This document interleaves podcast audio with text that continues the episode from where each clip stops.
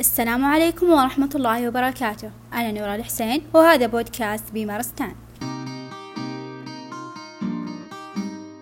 جهاز الرنين المغناطيسي بقوة واحد ونص وثلاثة تسلا كان الحل الأول لبعض المرضى اللي يعانون من فشل كلوي أو خلل في بعض الوظائف الكلوية كخيار بديل لعدم قدرة الكلى لاستقبال الصبغة في جهاز الأشعة المقطعية. لكن جودة الصورة ما كانت تنافس جودة الصورة الناتجة من جهاز الأشعة المقطعية.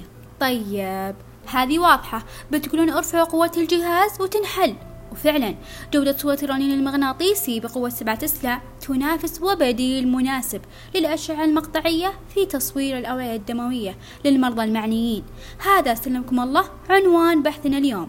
جهاز الرنين المغناطيسي بقوة 7 تسلا أول مركز استخدم جهاز الرنين المغناطيسي بقوة 7 تسلا كانوا ماي كلينيك وطبعا بعد موافقة إدارة الغذاء والدواء وأول ما استعمل كان للدماغ والركبة بس.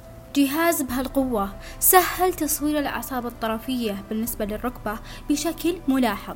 وحتى إدارة واكتشاف الصرع وأورام المخ وبعض الاضطرابات العصبية وحتى تحديد التصلب اللويحي أو المتعدد.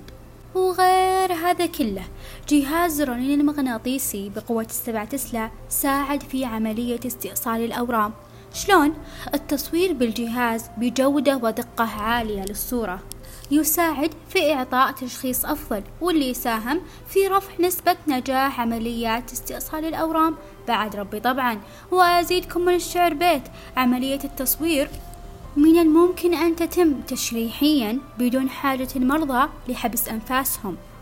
وأيضا الجهاز العضلي الهيكلي. كان يتم تصويره أفضل في الرنين المغناطيسي بقوة السبعة تسلا من الرنين المغناطيسي بقوة واحد ونص أو ثلاثة تسلا. أما بالنسبة للجهاز البطني للأسف كان في بعض التحديات وفي غيره بعد من التحديات المتوقعة واللي هم مرضى زارعي الأجسام المعدنية وبسبب رفع نسبة المغناطيس فراح تتأثر أكيد قيود السلامة. وبكذا نقدر نقول إن مقولة كل ما قللت منه نفع ما تمشي بكل الحالات. نفس ما جهاز الرنين المغناطيسي بقوة سبعة تسلا يعتبر أفضل في التصوير بكثير من واحد point خمسة تسلا أو ثلاثة تسلا تشريحيا ووظيفيا. كان معكم فريق بيمارستان. كل الشكر للمستمعين. منتظرين تعليقاتكم وآراءكم ونشوفكم في حلقات قادمة. بإذن الله.